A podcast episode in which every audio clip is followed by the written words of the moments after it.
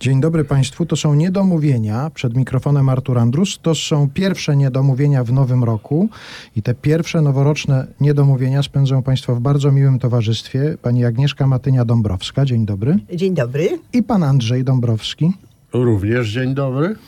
Wszystkiego dobrego w nowym roku, bo to pierwsze spotkanie ze słuchaczami w nowym roku. Nawzajem. I wszystkim słuchaczom. Wszystkiego dobrego. No i do tych życzeń dołączamy książkę, tak można by było powiedzieć, bo w sprawie tej książki się spotykamy. Andrzej Dąbrowski, do zwariowania jeden krok. No, właśnie już się zaczęły spory przed naszym wejściem do studia, kto to napisał. Bo pan Andrzej twierdzi, że jemu się przypisuje autorstwo, a on twierdzi, że to nie on napisał. Nie, no to oczywiście, wszyscy mnie, a napisałeś książkę, no to pięknie, ja mówię, nie ja napisałem, przecież to moja żona napisała. Ja siedziałam przy komputerze. No właśnie. Ale domyślam się, że to nie tylko ograniczało się do siedzenia przy komputerze. Ktoś Nie. po pierwsze musiał dać jakiś impuls, zdecydować, że coś takiego piszemy. Kto zdecydował? Propozycje różnych osób, różnych dziennikarzy, żeby napisać książkę o Andrzeju, żeby biografię napisać. Andrzej się krzywił, nie chciał, odmawiał. I no i tak czas mijał i w końcu doszłam do wniosku, że nie, ma, nie mam wyboru, muszę sama napisać. Bo jak ja komuś opowiadałem o moich różnych przygodach muzycznych i nie tylko, no to każdy mówi, Boże, to ty tyle miałeś tych różnych przygód i samochodowych, to przecież warto było napisać w ogóle książkę. I, i właśnie ciągle ja się z tym spotykałem, że, i nawet chyba dwóch dziennikarzy jakieś tak proponowało mi to. Ja mówię, nie, no to jeszcze nie, jeszcze nie. No, to... No właśnie, jak się I tak zaczęłam zeszło. zagłębiać w jego dawne przygody, no to ta książka zaczęła powstawać.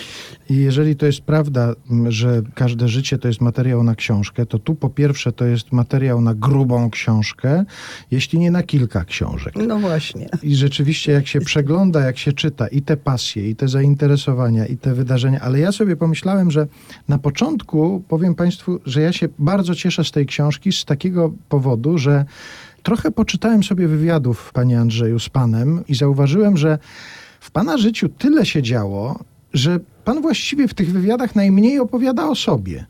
Pan mówi o tym, co się dzieje dookoła, a to nowa płyta, a to rajd, a to fotografia, coś, ale nie było czasu na opowiadanie o sobie i całe szczęście, że jest ta książka, bo tutaj jest o Andrzeju Dąbrowskim wszystko. Ja No. się zastanawiałam właśnie, jak ją podzielić, bo myślałam tak, że będą może rozdziały tylko o samochodach, o pasji Andrzeja do rajdów, albo tylko o piosence, albo osobny rozdział o perkusji, ale nie pasowało mi to. Po prostu życie się toczy i właściwie się łączą wszystkie te pasje Andrzeja i wszystkie wydarzenia. I w związku z tym no, zdecydowałam, że będzie to jednak taka podróż przez jego życie. Czy pan miał jakieś warunki wstępne, jeżeli chodzi o tę książkę? Jak ma być, co ma być? Nie. Czy... Nie, Nie, w ogóle jestem e, zachwycona. No, nic prawie nie zmieniono. Zresztą miałam no, redaktorów wspaniałych, panią Iwonę Wit i pana Mariusza Zwolińskiego i oni akceptowali wszystko.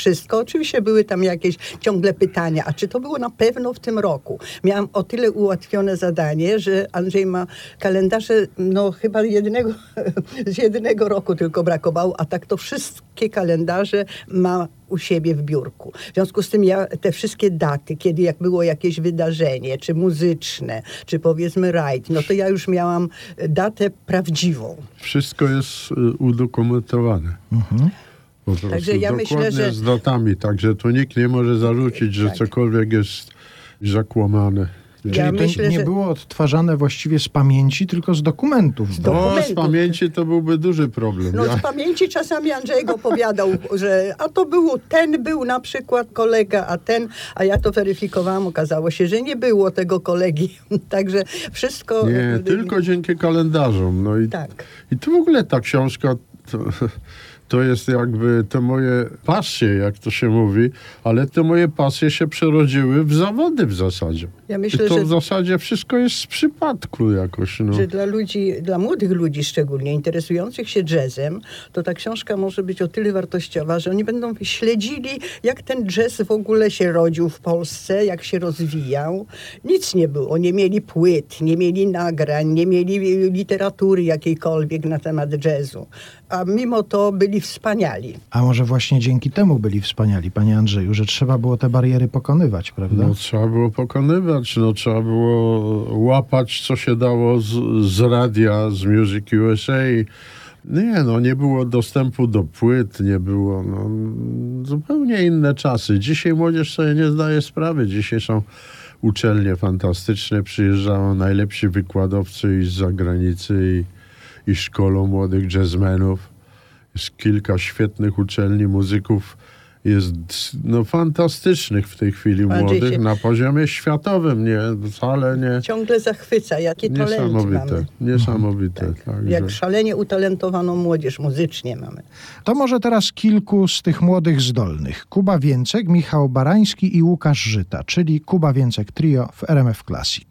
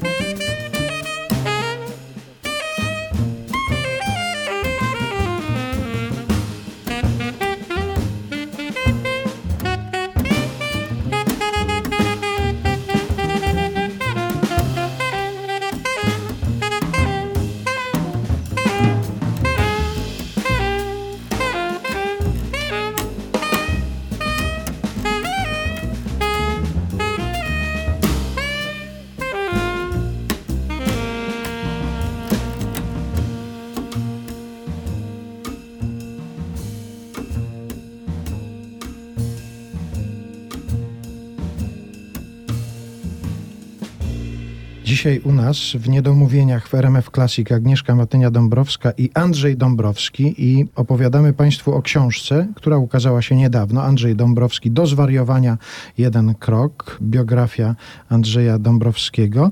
Zaczęliśmy opowiadać o tym, jak się ten jazz rodził w Polsce, jak e, wy do tego jazzu docieraliście. Jaka była pierwsza płyta jazzowa, jaką pan miał na własność, taką u siebie w domu dla siebie? Pamięta pan, co to było dokładnie? Mm, Nie, chyba nie pamiętam, ale to, to był chyba kwartet Benny Goodmana, czy potem, nie, to coś pamiętam, Max Roach. Oczywiście mnie jako perkusisty interesowali perkusiści, żeby się czegoś nauczyć, więc trzeba było słuchać płyt. Także Max Roach, Buddy Rich, była taka płyta, że ci dwaj perkusiści się, no bitwa taka była pomiędzy nimi na dwie perkusje, było fascynujące. Ale jaką płytę konkretnie nie pamiętam, bo to potem od razu chyba graliśmy z Andrzejem Królewiczem i już jakaś wtedy płyta nasza wyszła, skromna, jazzowa. Ale nie, no pamięć zawodzi, to tylko kalendarze, kalendarze. Na szczęście są kalendarze.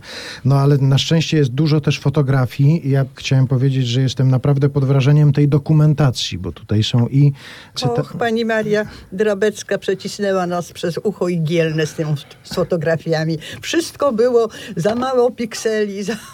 Tak, czarno-biała fotografia, także Ja od jest- młodych lat zawsze z aparatem chodziłem. Potem jak już jeździliśmy na koncerty i na jakieś festywale zagraniczne też zawsze z aparatem, także no robiłem zdjęcia i też wtedy zupełnie nie przypuszczałem, że zdjęcia z tych dawnych lat mogą mieć w tej chwili dużą wartość. Ale też sobie pomyślałem, jak spojrzałem na te zdjęcia, na odbitki jakichś dokumentów, że Taką książkę trudno będzie napisać, wydać za kilkadziesiąt lat w czasach cyfrowych, kiedy te wszystkie rzeczy są tylko w jakiejś wirtualnej wersji. To, że były te kalendarze papierowe, że były listy, że są zdjęcia na odbitkach, to spowodowało, że tak to można było zdokumentować wszystko. Za kilkadziesiąt lat takich dokumentów będzie prawdopodobnie tak mało, że albo coś ja nie wierzę w tę wirtualną. Tak, chyba, ja byłem chyba jednym z nielicznych dzieci, które pisały w tamtych czasach do rodziców tak wiele listów. I tutaj To są jest też te coś. Są. niesamowitego. Mhm. Nawet w dużej mierze ta książka jest oparta na moich listach. Rzeczywiście i to nie z żadnego obowiązku wobec rodziców, tylko z jakiejś chęci, z jakiejś zażyłości z rodzicami dużej, gdzie ja musiałem się dzielić moimi osobistymi wrażeniami i, i z koncertów, i w ogóle z tych całych tras koncertowych. Także listy należy w tej książce, wydaje mi się, czytać bardzo uważnie, bo w tych listach jest bardzo dużo ciekawych rzeczy. I to rodzice przechowali te listy, jak rozumiem. Tak, rodzice zbierali, no cały mam ten, no jeszcze jest dużo listów. No i wa- jeżeli ja to- wrócę jeszcze do tych fotografii, to rzeczywiście Andrzej ma niesamowite zdjęcia muzyków z całego, że tak powiem, swojego życia i to mm, muzyków też światowej klasy. Zresztą ZAX wydał na swoje stulecie album e, fotograficzny, właśnie fotografii Andrzeja. A kto czuwa nad tym archiwum domowym? To jest jakieś specjalne pomieszczenie, specjalny pokój? Nie, czy właśnie to porozrzucane po wszystkich szafach? Porozrzucane niestety. Teraz ja trochę uporządkowałam, takie teczki porobiłam, że łatwiej było znaleźć y, rodzinne, zdjęcia jazzmenów, y, samochodowe. Tylko kalendarze są w jednym miejscu. W tej chwili u mnie w szafce od roku chyba nie, 60. Od, tak, gdzieś od 60. 58. Najpierw malutkie kalendarze jednego. były, potem Najpierw coraz były większe. malutkie, tam maczkiem takim pozapisywane, a potem e, bazowałem wyłącznie na kalendarzach, gdzie każdy dzień już tam. Także dzięki kalendarzom w ogóle też ta książka. A dzięki powstała. pisaniu książki ja się mnóstwo rzeczy dowiedziałam od Andrzeju. Zaraz będę dopytywał właśnie o to, Wow. ale jeszcze chciałem, ale chciałem jeszcze do zdjęć wrócić. A zdjęcia są wszystkie opisane? Jest dokładnie napisane gdzie, kiedy, coś takiego? Czy to też było odtwarzanie z pamięci albo z kalendarzy? Nie, nie, to trzeba wyszukiwać. Jeśli chodzi o zdjęcia, To Tu znaczy mam, do e, pewnego momentu, to znaczy mama Andrzeja, która przywiozła albumy z Wilna, to było bardzo dokładnie wszystko opisane. Natomiast już późniejszy okres, no to pamiętaliśmy. Na szczęście ta pamięć jest ciągle jeszcze bardzo dobra. Do tego jest mnóstwo płyt, nagrywanych m.in. z Andrzejem Kurylewiczem, Janem Ptaszynem Wróblewskim, Wojciechem Karolakiem, Andrzejem Trzaskowskim. Tutaj trzeba by było wymienić wszystkich najważniejszych polskich jazzmenów. Sięgnijmy po jedną z wczesnych płyt, rok 1963, album kwintetu Andrzeja Kurylewicza Go Right. Andrzej Kurylewicz trąbka, Jan Ptaszyn-Wróblewski saksofon tenorowy, Wojciech Karolak fortepian, Tadeusz Wójcik kontrabas, Andrzej Dąbrowski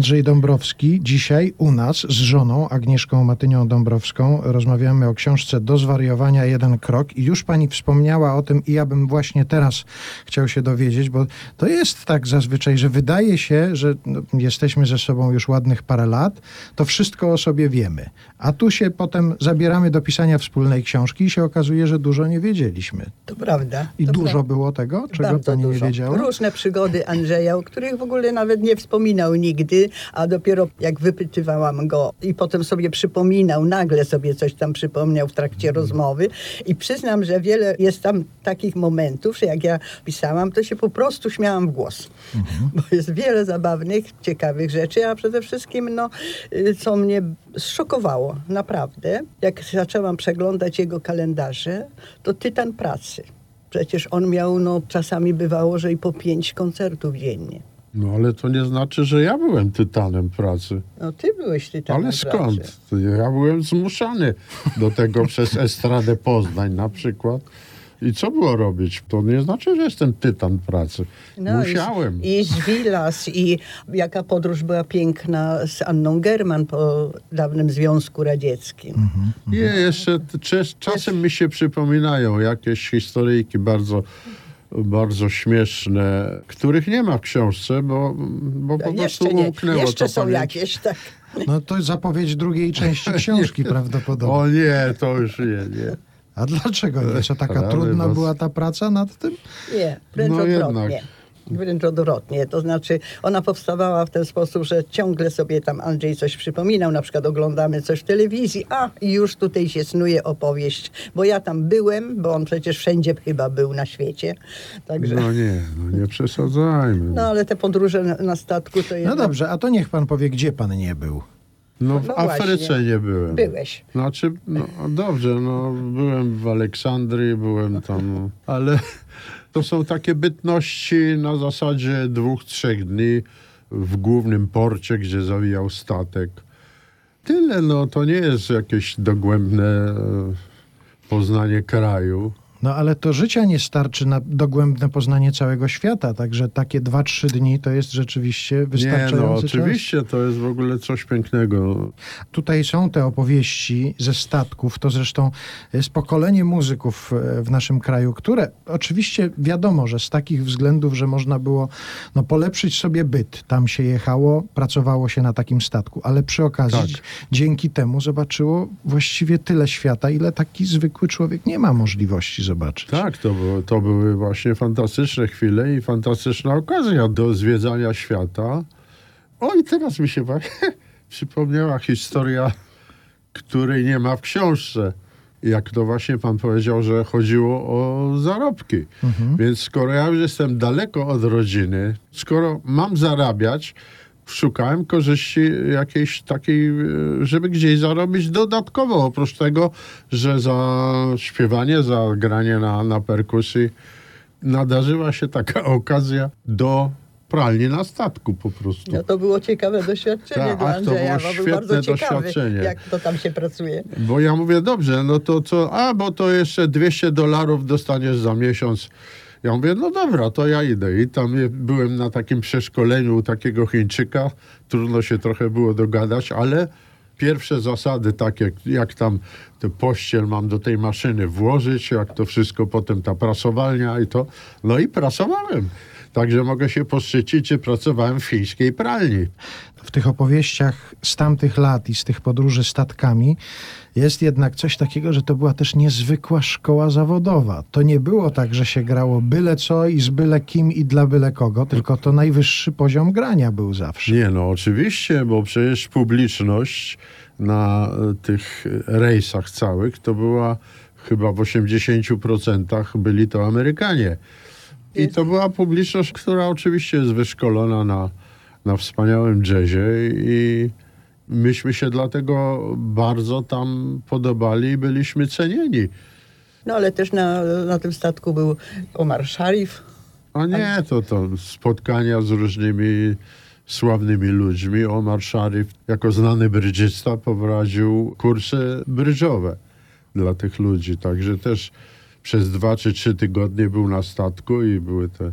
Przychodził na wasze występy, na wasze koncerty? y, Tak. Nawet taka była sytuacja, że on ze statku wprost gdzieś z Florydy leciał do Polski spotkać się tutaj z e, Andrzejem Wajdą. A równocześnie jeszcze z dawnych czasów w piwnicy krakowskiej e, ja znałem żonę, czyli Krystynę Zachwatowicz.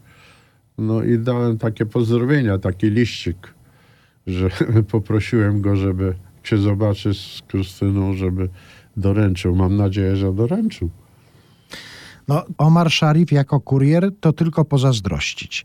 Do rozmowy za chwilę wracamy. Teraz dalej słuchajmy wczesnych nagrań z Andrzejem Dąbrowskim, jeszcze nie śpiewającym, a grającym. Dedykowane jaskółce. Połowa lat 60. Wspólnie grają Jan Ptaszyn-Wróblewski na saksofonie tenorowym, Wojciech Karolak na fortepianie, Juliusz Sandecki na kontrabasie i Andrzej Dąbrowski na perkusji.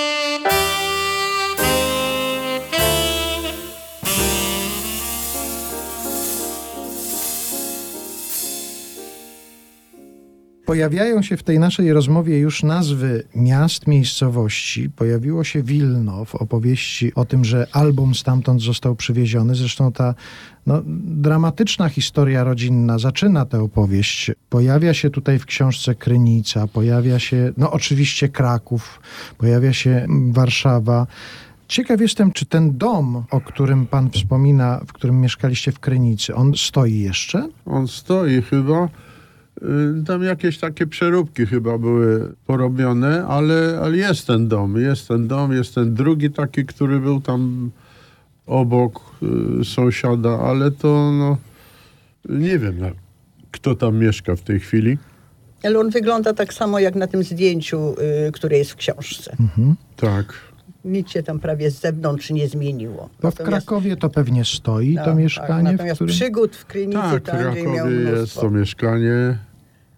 Nie tylko ulica Świętej Teresy, przy której stał ten dom, to ona, ona się zmieniła. To znaczy to W Krakowie. była w Krakowie, tak, zupełnie pusta. Ona była między Krowoderską a Łobzowską, a w ogóle o jakieś 200 metrów dalej miałem swoją podstawówkę. Także e, taka sympatyczna okolica, ale ona się zmieniła bardzo, bo była pusta zupełnie. Jak czasem nas Moskwicz stał tam pod domem, to był je, jedyny samochód, jaki stał na ulicy Świętej Teresy. No. Jeżeli mówimy o Krakowie, no to też trzeba powiedzieć o tej szkole, która właściwie w pana życiu zmieniła wszystko. No to liceum muzyczne, do którego, jak pan mówi, poszedł pan nie wiadomo dlaczego tak do końca, że nie wiedział pan, co robić ze swoim życiem i nagle padła taka propozycja, taka e, ewentualność, że może szkoła muzyczna. Tak, no otwierała się nowa szkoła, ponieważ nie zdałem do ogólniaka, no to była szansa kontynuowania nauki dalszej. No i ten skład pana kolegów i koleżanek, który jest tutaj wymieniany, no to robi nieprawdopodobne wrażenie. Tak. To są takie nazwiska, że teraz jak się przywołuje je, to, to, to człowiek sobie myśli, no tak, to ludzie, którzy stworzyli muzykę w tym kraju. W jednym miejscu Tak, no, tyle potem sławnych ludzi. Zygmunt Konieczny przecież, tam jeszcze, ja na pewno pominąłem jakieś nazwiska, ale Ewa tam Demarczyk, naprawdę była sama śmietanka w tym liceum muzycznym. Tak, Katarzyna Gertner, tak. Wojciech tak. Karolak oczywiście. Niesamowite. Andrzej Piela. Zbigniew Namysłowski. Tak, prawda? tak, tak. I pan się też tutaj zastanawia nad tym, czy to, że tacy ludzie zebrali się tam wtedy, to jest zrządzenie losu, czy wy mieliście taki talent, czy wy mieliście takich nauczycieli, którzy spowodowali, że tak się ta muzyka w was rozwinęła. I właściwie odpowiedź jest taka, że to chyba musiało być jedno i drugie razem. Tak, tak właśnie chciałem odpowiedzieć na to pytanie. Nauczyciele byli rzeczywiście świetni, świetni fachowcy. Przecież tam była normalna szkoła, czyli ogólniak. I oprócz tego uczyło się na instrumentach i muzyki. W zasadzie to były dwie szkoły jakby. To jak wiedzieli, że ktoś ma talent muzyczny, to przymykali oko na różne... Na nie- braki talentów w innych kwestiach, tak, tak? tak, gdzie do osiągnięcia. Ja na przykład z matematyki byłem bardzo słaby. Pamiętam na maturze profesorka sympatyczna, jakoś tak przechodząc koło mnie, coś mi tam podpowiadała. Nie wiem co, ale pamiętam, że, że pomagała mi, żebym chociaż na dostatecznie zdał. Żeby cię jakoś przepchnąć. Tak. Nie mam talentu zresztą do matematyki, w związku z tym do biznesu też nie mam No talentu. ale zaraz, perkusista musi umieć liczyć. No, No bo przecież nabija na ileś, prawda? Tak, nabija na cztery głównie, także do czterech to świetnie by, wychodziło. Tutaj jest, no wzruszająca jest ta dedykacja od profesora, jest tutaj No tak. zacytowana, najzdolniejszemu z klasy perkusji Andrzejowi Dąbrowskiemu. Hasło Andrzejku wytrwaj.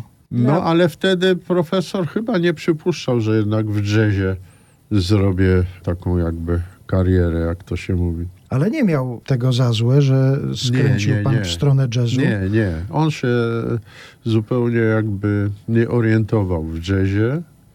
Określał czasem jazz jako grać na jazzie, czyli na zestawie perkusyjnym. Aha, że to, Do jest, to jazzu, jest tak, jazz. tak. Mhm.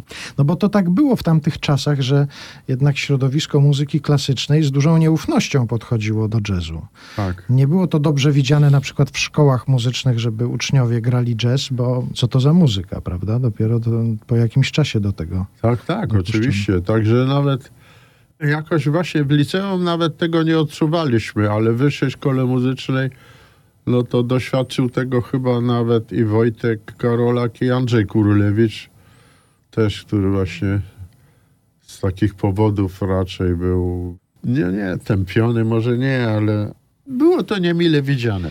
Skoro wspomniał pan o Andrzeju Kurylewiczu i Wojciechu Karolaku, to może jeszcze raz wróćmy do albumu Go Right. Bardzo ważnego, bo to była pierwsza w Polsce jazzowa płyta długogrająca. Gra kwintet Andrzeja Kurylewicza, przy perkusji oczywiście Andrzej Dąbrowski.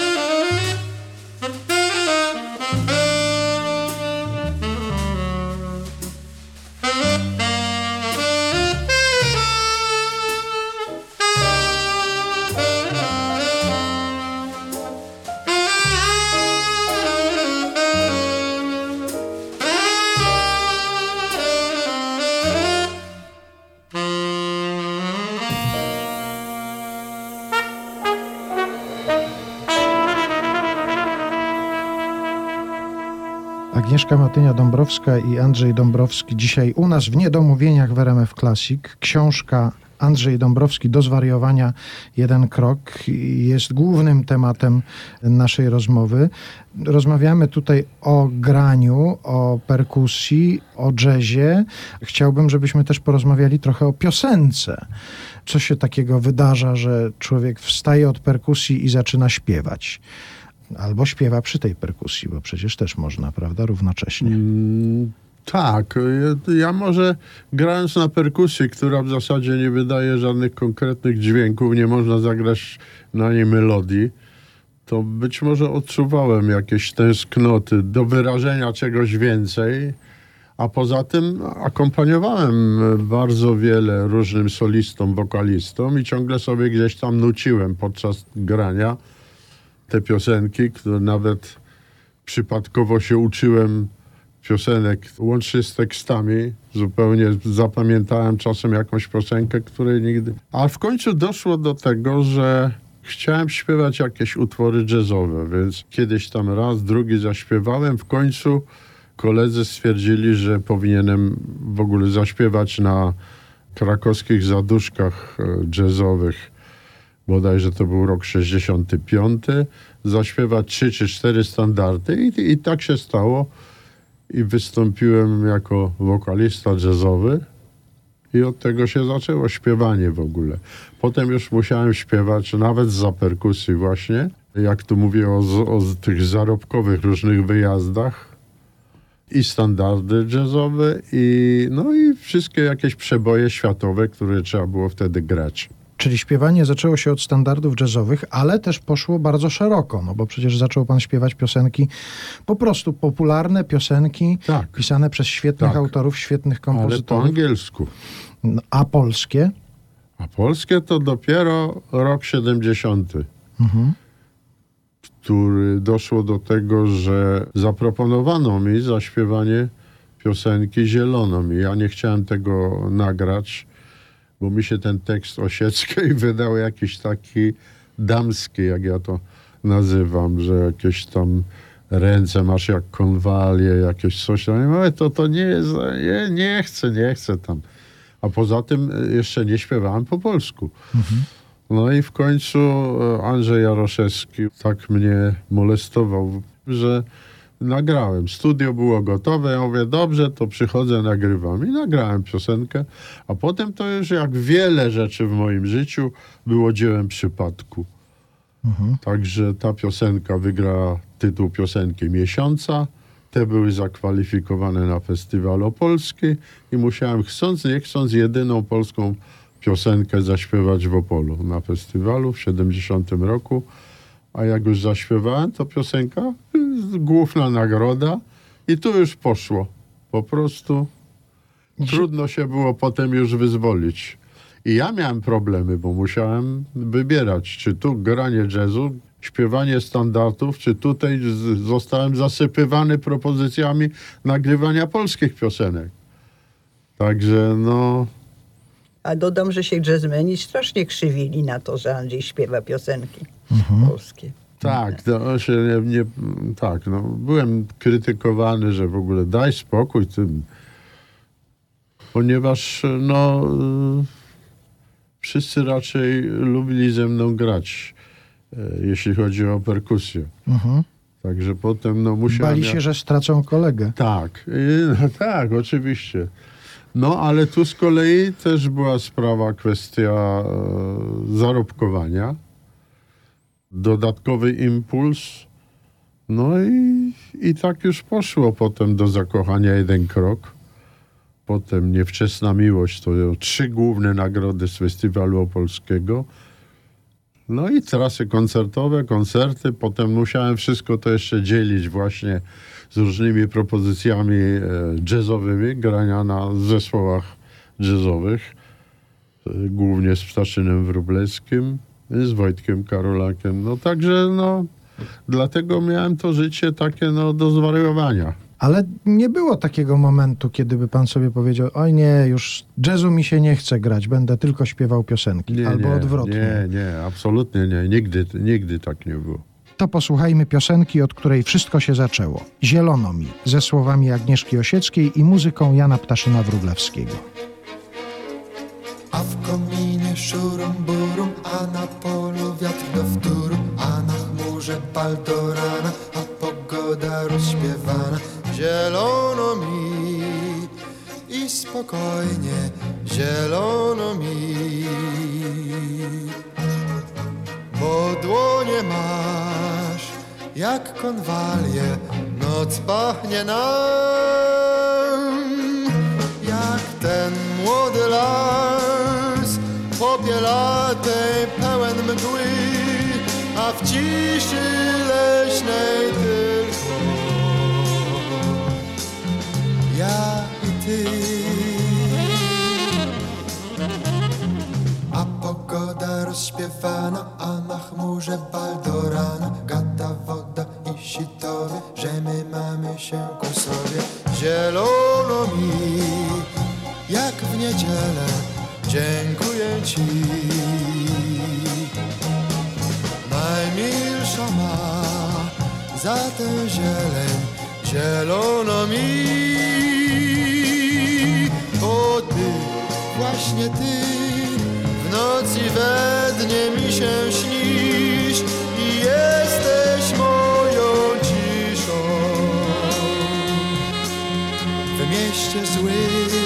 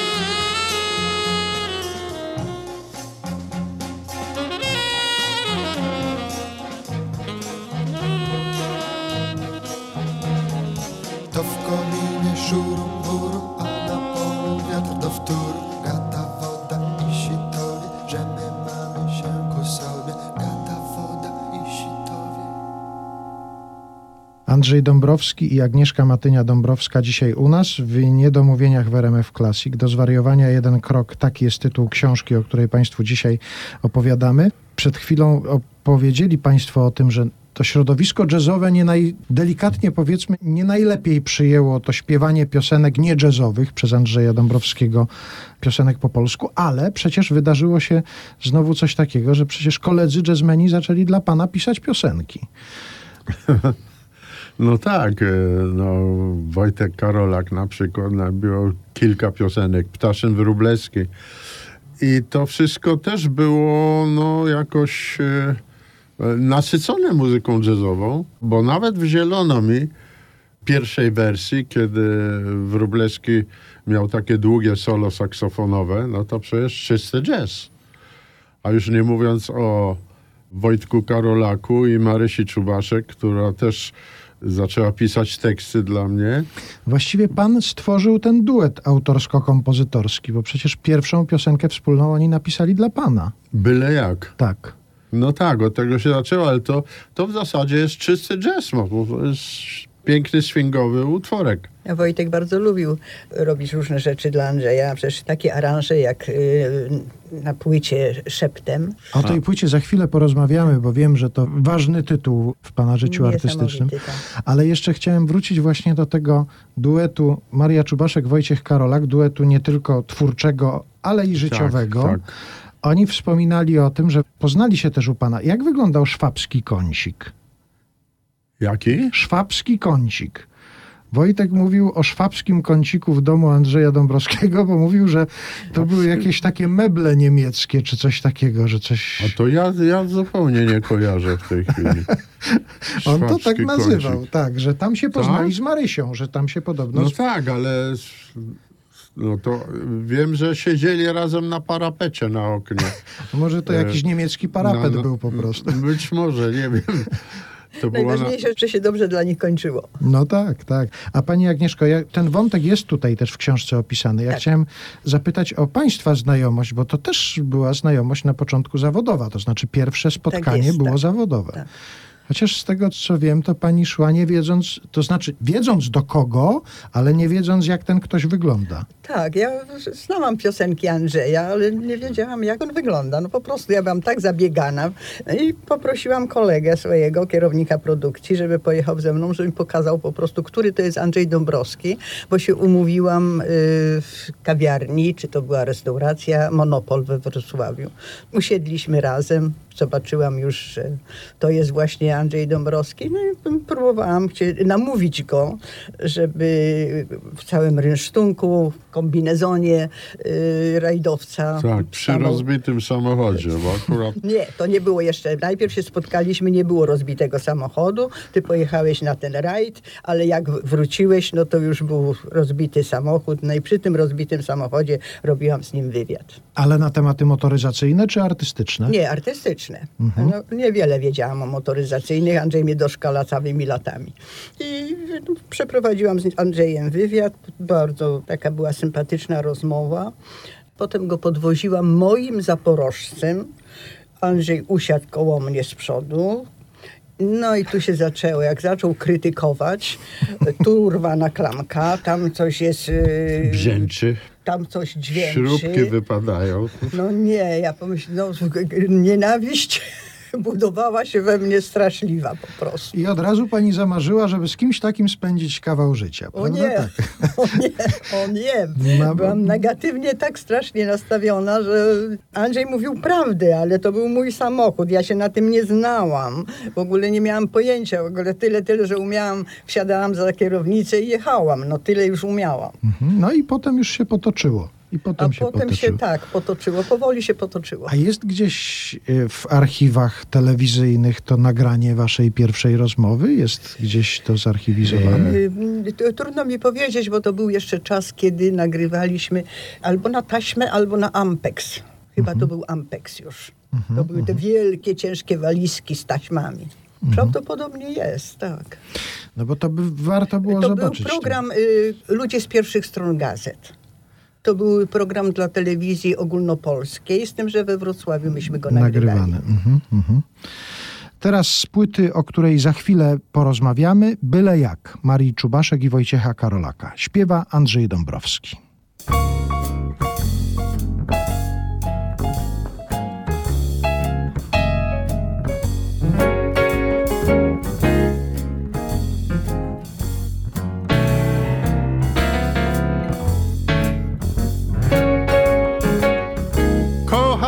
Można byle jak i byle kogo.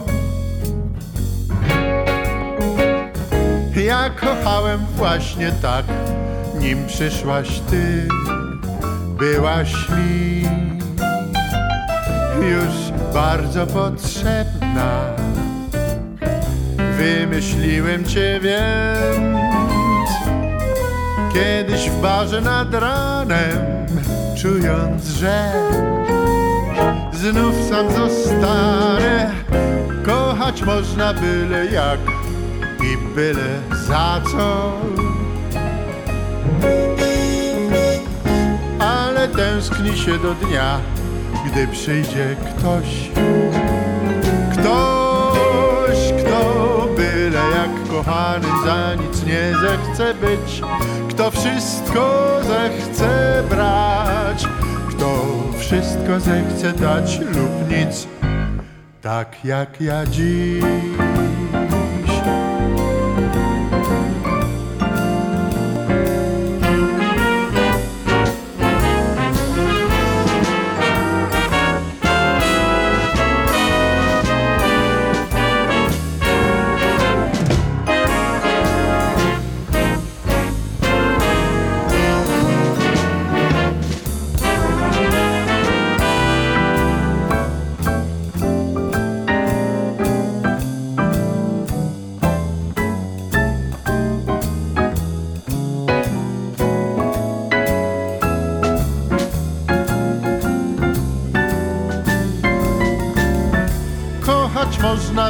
jak i mimo wszystko A ty nie chcesz nawet tak pokochać mnie A ja właśnie ciebie wymyśliłem na miłość swą I boję się wciąż dnia Dnia, w którym kochać bym cię miał też byle jak.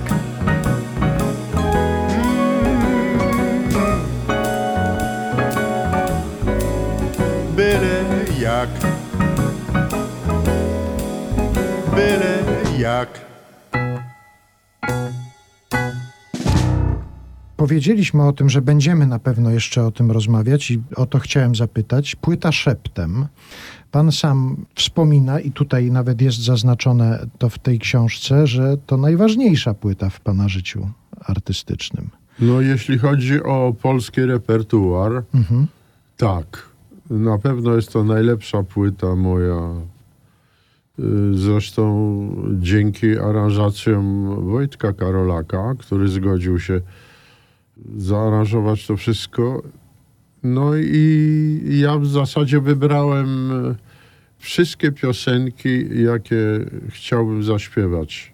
I tak powstała płyta. Zresztą nagrywaliśmy to w, w świetnym studiu w Sulejówku. U Winicjusza Chrusta. Tak, u Miniusza Chrusta.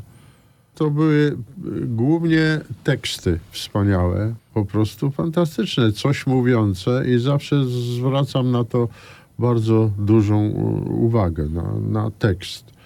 No i, i melodię też, a poza tym y, też y, są takie piosenki, które człowiek chce zaśpiewać, ponieważ linia melodyczna jest bardzo ładna, bardzo fajna, mieści się jakoś dobrze w skali i odpowiada e, barwom mojego głosu na przykład. To jest też ważne.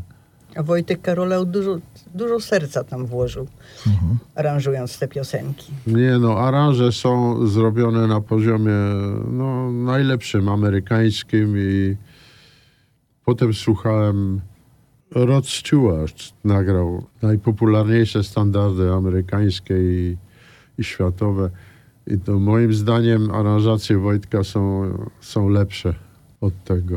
Tak sobie pomyślałem, wspomniał pan tutaj, że Wojtek Karolak nie odmówił mi zaaranżowania tej płyty. Zastanawiam się, czy on czegokolwiek kiedyś panu odmówił.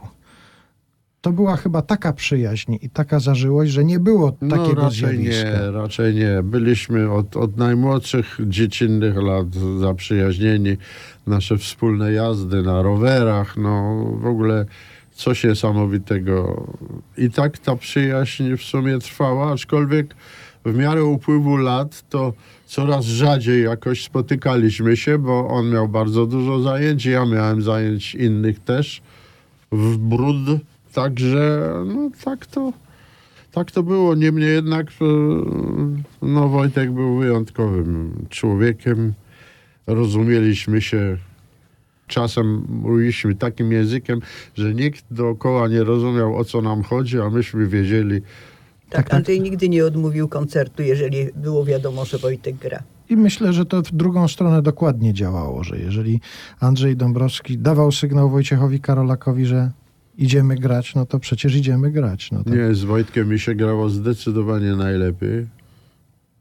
Jakiś taki, no niesamowita doza swingu, takiego prawdziwego. Ja, ja na perkusji dostawałem jakiś skrzydełek wtedy, jak, jak Wojtek zostawał sam na improwizacji. To jest w ogóle coś pięknego.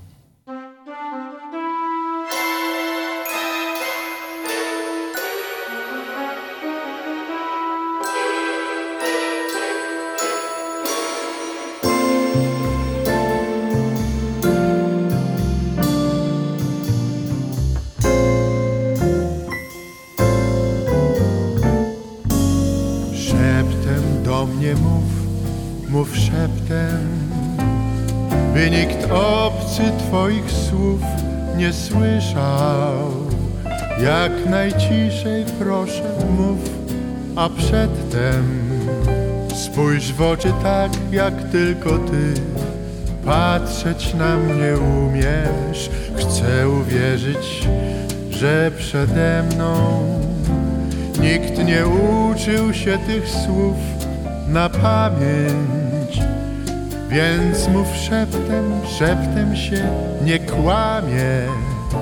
A to, co mówisz, przecież brzmi jak jakaś baśń.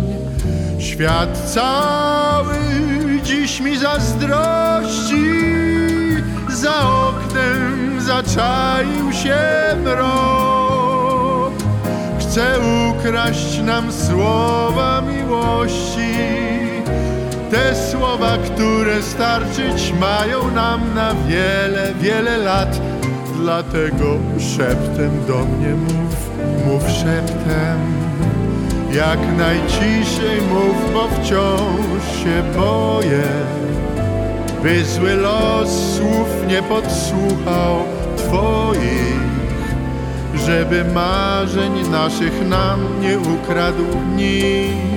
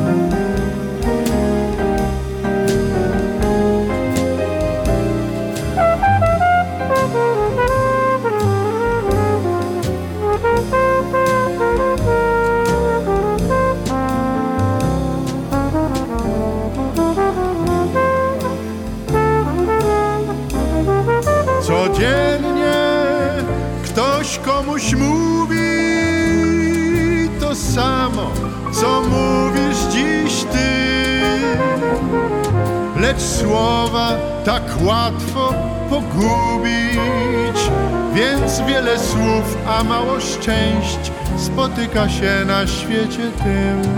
Kochanie, szeptem do mnie mów, mów szeptem by nikt obcy Twoich słów nie słyszał. I niech zamknie się nad nami cisza, w której już nie trzeba będzie wcale słów.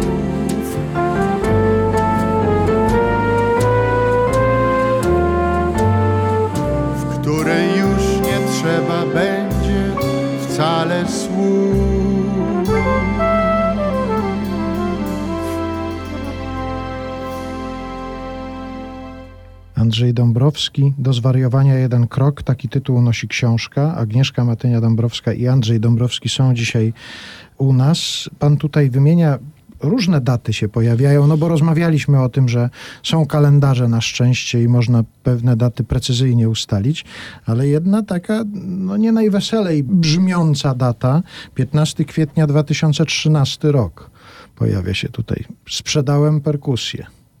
O, Tak. O, trzynasty rok już. Ojej. Jak ten czas leci.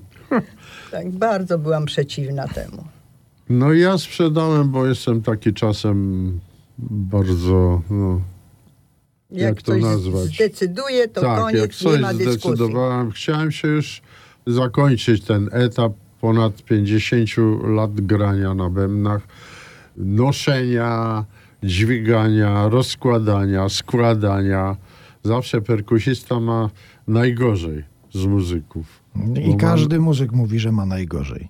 No, no kontrabasista jeszcze też, bo to, to duży instrument. ale- Hamondzista, proszę bardzo. No, hamondzista to już w ogóle tak. No, ale zwykle hamondziści to właśnie powinni mieć ekipę, która wozi, rozkłada i to, ale jak zwykle no, w Polsce nie dzieje się tak rewelacyjnie pod tym względem. Także ja też często musiałem nosić, rozkładać, pomimo, że jest ekipa techniczna. No, ale tak, to są problemy. No i chciałem po prostu e, zakończyć. No powoli mam już swoje lata, także coraz trudniej mi jest właśnie z tymi różnymi fizycznymi pracami. Zresztą samogranie na perkusji też jest, Wojtek też zawsze mówił, że to fizyczna praca. Poza tym e, no, problemy z moją lewą nogą pojawiły się właśnie w związku z naciskaniem e, milionów razy tak zwanego hi-hatu, a równocześnie od samochodów to i sprzęgło, także ta lewa noga była trochę już nadwyrężona, puchła mi, bardzo mnie kłuło tam coś w kostce, także no nie, nie było sensu walczyć dalej. No I, i, i sprzedałem, no. Ale potem się pojawił jakiś taki moment, że pan żałował, że pan sprzedał? No to właśnie nawet niedawno. Taki moment się pojawił, dlatego że Piotr Baron zaproponował mi nagranie płyty. No ponieważ e, to fantastyczny muzyk. Ja biłem się z myślami, ja- jak mam w sumie odpowiedzieć. Nawet się chyba broniłem, no ale przecież ja już nie gram. Sześć lat już w ogóle nie, nie, no, ja tu załatwię bębny, wszystko będziesz miał, to w studio też to przewieziemy. I tak też się stało. Także musiałem ćwiczyć, no, ponad tydzień w takiej piwnicy wyciszonej, żeby no, nie najeść się wstydu przed muzykami, no bo to by było straszne dla mnie, jeżeli się potem okazuje, tu mamy nagrać płytę świetną jazzową, zresztą poświęconą kompozycjom Wojtka Karolaka w ogóle miał grać Wojtek Karolak na tej płycie. Także to się tak stało w ostatnim tym czasie, że no niestety był już inny pianista, zresztą okazało się, że fantastyczny.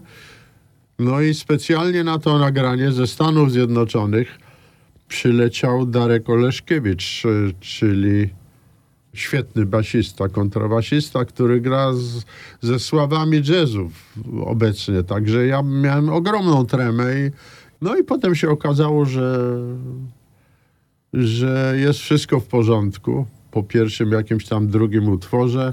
Potem się jeszcze rozegrałem, także muzycy mnie pocieszali, żeby się nie martwić, bo jest bardzo dobrze. No i płyta się udała, aczkolwiek jeszcze nie ukazała się na rynku, bo jeszcze czekamy na sponsora. No więc na razie jeszcze nie możemy efektów tego Państwu zaprezentować na antenie, bo nie ma jeszcze tej płyty, ale jak tylko będzie, to będziemy in, informować. To może teraz sięgniemy po jedną z ulubionych płyt Wojciecha Karolaka. Jego trio, w którego składzie również zagrał Andrzej Dąbrowski, gra muzykę Jerzego Wasowskiego.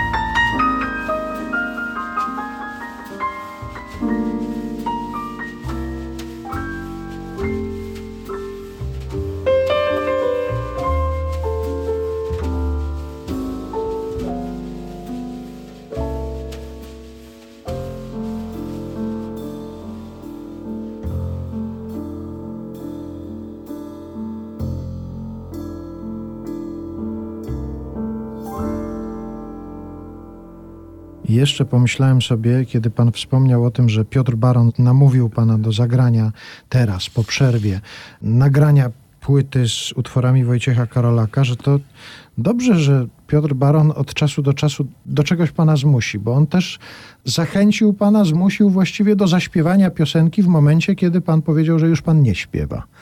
Mówię tutaj o, o utworze Bądź wierny sobie. No tak, e, no tak, tak, rzeczywiście to prawda. No on, on ma jakiś dar przekonywania wyjątkowy. Albo pan ma słaby charakter po prostu. I dzięki Bogu, że pan ma taki słaby charakter w tej nie, kwestii. to tego bym nie powiedział, ale, ale Piotrek jest rzeczywiście e, świetny. Zresztą no, też znamy się od lat i, i, i wiele razy grałem z nim jako perkusista, także, także dużo wspólnych też e, Ale przeżyć. zdecydowało też, że tekst y, Bądź wierny sobie to jest taki mądry tekst. Andrzeja to zachwyciło. Tak, tekst też przeważył, e, bądź wierny sobie. No rzeczywiście pan Antoni Libera tu napisał no, super tekst. Ten tekst mnie przekonał, bo, bo ja zawsze mówię, że, że ja muszę wiedzieć, o czym śpiewam. O czymś muszę śpiewać, a nie jakieś tam powtarzanie w kółko. Ach, teraz była taka piosenka, też słyszałem, w kółko coś tam powtarzali, jakieś trzy słowa głupie i, i tak się ciągnie tam, nie no, beznadzieja. No. Trzeba wiedzieć, o czym się śpiewa. Oczywiście. I, o, i mieć o czym zaśpiewać. Mieć o czym zaśpiewać i trzeba no, jakoś do tego podejść, żeby troszkę przekazać jakiejś wewnętrznej e, zaangażowania w ten tekst. Trzeba to, to rozumieć. No. Dlatego ja zawsze zwracam uwagę na tekst i tu mnie można dobrym tekstem przekonać. To jest informacja dla autorów tekstów. Ale to już chyba za późno. Za... Oj, oj, oj, oj. oj. Miejmy nadzieję, że zdarzą się takie teksty, że nie będzie pan miał wątpliwości. Ale że- muszę powiedzieć, że kilka dni temu widziałem się z panem Antonim Liberą i właśnie już mnie namawia, żeby znaleźć utwór taki, do którego on by znowu napisał tekst. Tylko musi być to jakiś światowy, znany przebój i on by wtedy napisał tekst i nagralibyśmy to. Także no tak, no znowu jestem namawiany, widzę. I bardzo dobrze. Pani Agnieszko, ja nie wiem, czy ja to mogę zdradzić, bo to właściwie była nasza taka półprywatna rozmowa, ale Antoni Libera wysłał pani też SMS dotyczący tej książki, prawda? Tak, możemy- jestem naprawdę zszokowana, bo jeżeli taki wpis mi przysłał, no to jest tym bardziej cenny. Taki pisarz, jak mi mówi, że książka jest dobra, że to nie tylko jest biografia, ale to jest jakiś przekrój po prostu epoki. Także no, jestem mu wdzięczna. A my jesteśmy wdzięczni po pierwsze za to spotkanie, po drugie za książkę. No ja jestem czytelnikowi wdzięczna również. Bardzo dziękujemy, a Państwu polecamy więcej. Mamy dla Państwa w upominku kilka egzemplarzy tej książki i poprosiliśmy Państwa o podpisanie tych egzemplarzy dla słuchaczy RMF Classic. Proszę w tej sprawie napisać do redakcja małpa rmfclassic.pl redakcja małpa rmfclassic.pl a ja jeszcze raz przypomnę, że książka nosi tytuł Do zwariowania jeden krok. Andrzej Dąbrowski jest bohaterem tej książki, a napisała, jak to ustaliliśmy już na początku, Agnieszka Matynia-Dąbrowska, napisała mimo pewnych oporów Andrzeja Dąbrowskiego. Bardzo dziękuję za pokonanie tych oporów. Dziękuję. To my dziękujemy Za bardzo za zaproszenie Radia Klasyk, którego słucham. I na koniec naszego spotkania bądź wierny sobie. Andrzej Dąbrowski, Piotr Baron Quintet oraz Polska Orkiestra Sinfonia Juventus.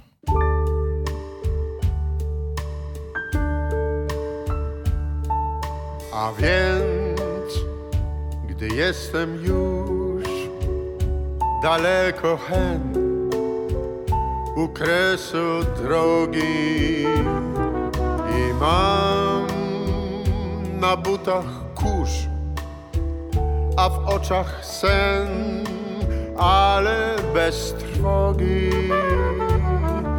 Wiem, że jakkolwiek jest, gdziekolwiek śnię, cokolwiek robię, rzecz w tym, by zawsze być, być wiernym sobie.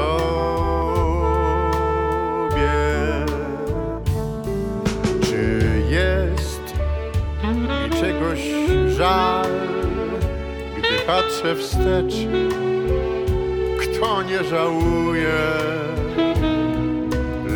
Lecz cóż, wszak każda rzecz i szczęście też drogo kosztuje.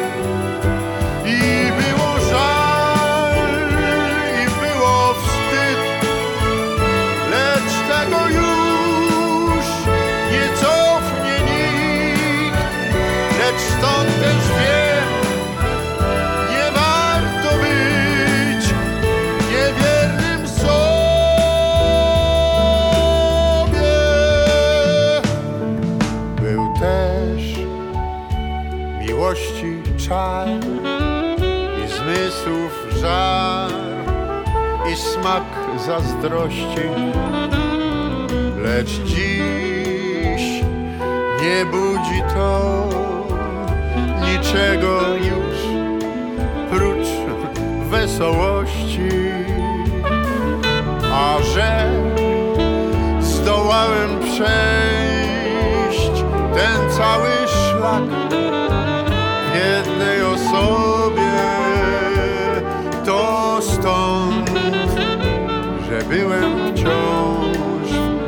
wciąż wierny sobie.